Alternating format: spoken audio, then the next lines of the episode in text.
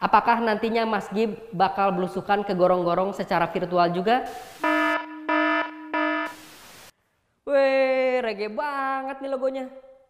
Kirain gue sambal gandur marle.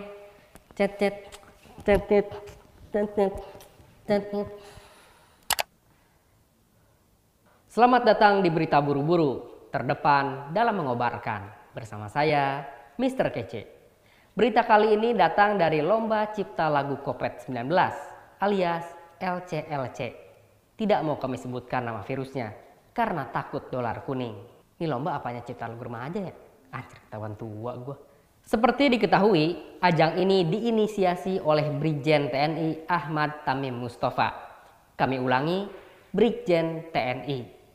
Lomba lagu, inisiatornya Brigadir Jenderal Tentara Nasional Indonesia. Bagus, lomba yang sangat bagus. Adapun ajang ini mendapat dukungan dari Kementerian Kesehatan. Tidak heran, kursi kosong tidak heran. Ajang ini bahkan telah mencapai tahapan Grand Final pada Kamis 24 September 2020.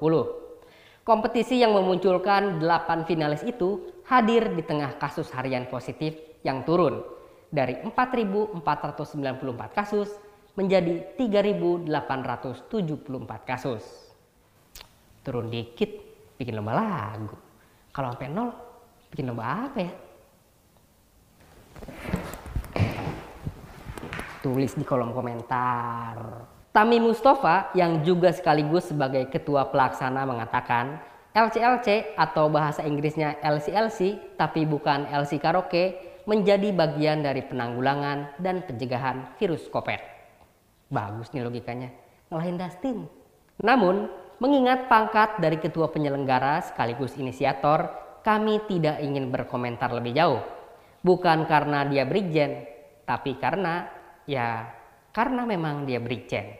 Lagu memang bahasa universal, hingga tidak ada salahnya ini selalu dijadikan konsep acara pada situasi apa pun, termasuk COVID-19. Mohon maaf nih Pak, nulisnya bisa 19 aja nggak sih? Lomba yang salah dua jurinya adalah Papa Bensleo dan Bunda Hetikus Endang ini dapat Anda saksikan siaran live dan ulangnya via YouTube.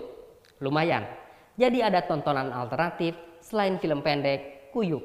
Ruang kreatif memang harus difasilitasi meski kita masih berjuang menghadapi COVID-19. Indonesia mungkin satu-satunya negara yang bikin acara virtual tentang COVID-19, seperti dikatakan Pak Tamim. Benar Pak, saya dukung terus. Kita beralih ke berita kedua. Menteri Koordinator PMK Muhajir Effendi meminta Ikatan Dokter Indonesia untuk melindungi keselamatan dokter, khususnya dokter yang tengah menangani COVID-19. Menurutnya, IDI harus menjadi ujung tombak pertama dalam melindungi keselamatan anggotanya. Enteng juga tuh Rahang. Janganlah berharap ada pihak lain yang lebih bertanggung jawab, karena saat berharap kepada orang lain, maka hilanglah hakikat korps atau kesejawatannya. Skrip itu apa sih maksudnya? Pesan yang mulia ini juga ditujukan khususnya untuk IDI pusat alias bukan kacung WHO agar dapat memberikan perhatian kepada IDI daerah atau anggotanya agar aman saat memberikan pelayanan. Statement yang serba harus dari Pak Menteri ini juga idealnya tidak hanya ditujukan kepada IDI, tapi juga kepada dirinya dan rekan-rekan sejawatnya. Semut di seberang terlihat, belek di pelupuk mata tidak terlihat. Karena jika mengutip pernyataan epidemiolog Pandu Riono, tanggung jawab yang disampaikan Muhajir justru lebih tepat dialamatkan kepada pemerintah. Dalam hal ini, Kementerian Kesehatan. Menurut data, sudah ada 123 dokter yang meninggal dunia sejak COVID melanda negeri ini jumlah yang punya risiko akan bertambah jika media sosial masih dipenuhi dengan pernyataan jenius macam ini. Tapi kita tidak ingin sekeras Pak Pandu karena kami hanyalah warga yang tidak pernah mengerti bagaimana sesungguhnya cara terbaik negara melindungi seluruh bangsa Indonesia. Yang tahu siapa? Pak Terawan. Kita lanjut ke berita ketiga. Berita ketiga datang dari Kang Martabak yang nyalon jadi wali kota Solo. Anak sulung Pak D ini menunjukkan kelasnya sebagai cawalkot muda penuh inovasi. Saat paslon lain masih mengandalkan kampanye tatap muka, Mas Gib belusukan secara virtual alias belusukan futuristik melebihi zamannya. Caranya dengan menggunakan virtual box alias kotak virtual. Kotak itu didorong oleh para relawan ke rumah-rumah warga. Saingan baru gerobak konel ondel nih.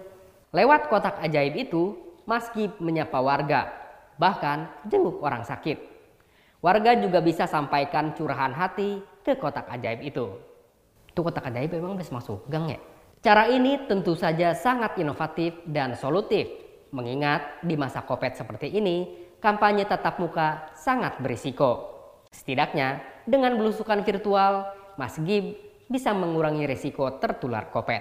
Berbeda dengan sang adik ipar yang pada hari pertama deklarasi saja sudah melanggar protokol kesehatan karena mengumpulkan masa di kedai kopi.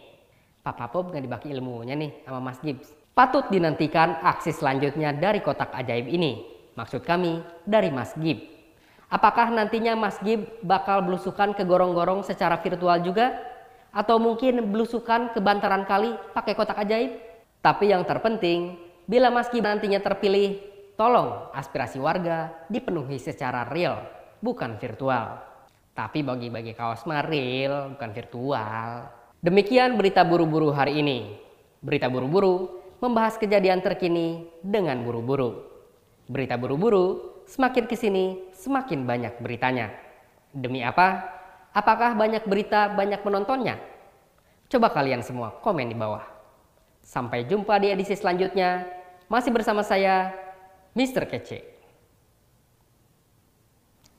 Ini dia gratis nih di sini nih. Lu pengen kayak dia. Makanya pantengin IG-nya Opini.